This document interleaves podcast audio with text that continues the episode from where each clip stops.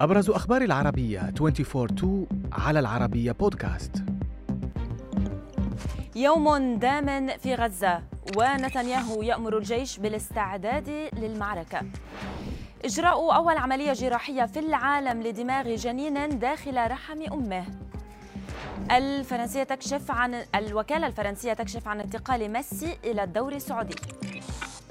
البداية من قطاع غزة حيث أدى قصف جوي على مواقع مختلفة في القطاع إلى مقتل 13 فلسطينيا بينهم أطفال وقياديون بحركة الجهاد الإسلامي.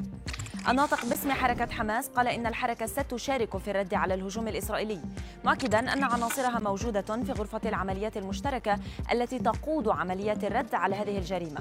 فيما أكد رئيس الوزراء الإسرائيلي بنيامين نتنياهو أنه أعطى تعليمات للجيش بالبقاء مستعدا لمعركة متعددة الجبهات. قائلا إنه سيعاقب كل من يحاول المساس بأمن إسرائيل. من التصعيد في غزة إلى التطورات في السودان حيث يدخل الصراع يومه الرابع والعشرين في ظل شهود ترمي إلى إنهاء المعارك والوصول إلى وقف دائم لإطلاق النار. مراسل العربية أفاد باندلاع اشتباكات في أم درمان والخرطوم وسماع أصوات مضادات في وقت حلقت فيه الطائرات بسماء العاصمة. فيما حذر قائد الجيش عبد الفتاح البرهان من انتقال الحرب إلى ولايات أخرى في البلاد مضيفا أنه يسعى إلى وضع أسس حقيقية لوقف القتال تشتمل على الانسحاب من المناطق السكنية.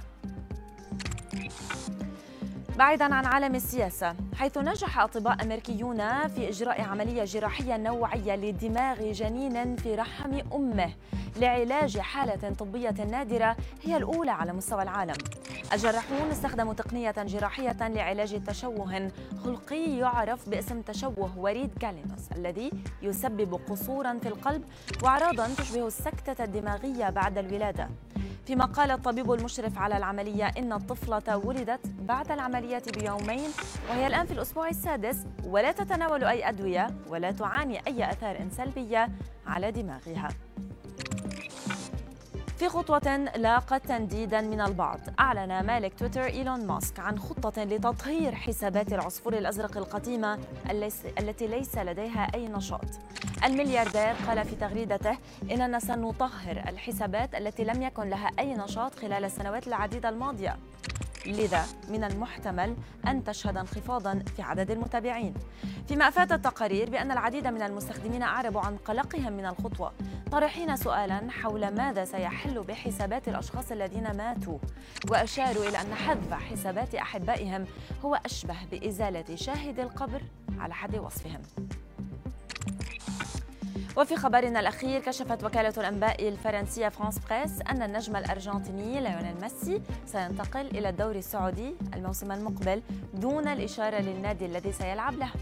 مصدر مطلع على المفاوضات قال لفرانس بريس إن صفقة انتقال ميسي تمت وأن العقد استثنائي وضخم وبصدد إنهاء بعض التفاصيل الصغيرة فيما نفى والد ميسي تلك الأنباء. مؤكدا أن القرار النهائي بشأن مستقبل ابنه سيتخذ عقب نهاية الموسم الحالي.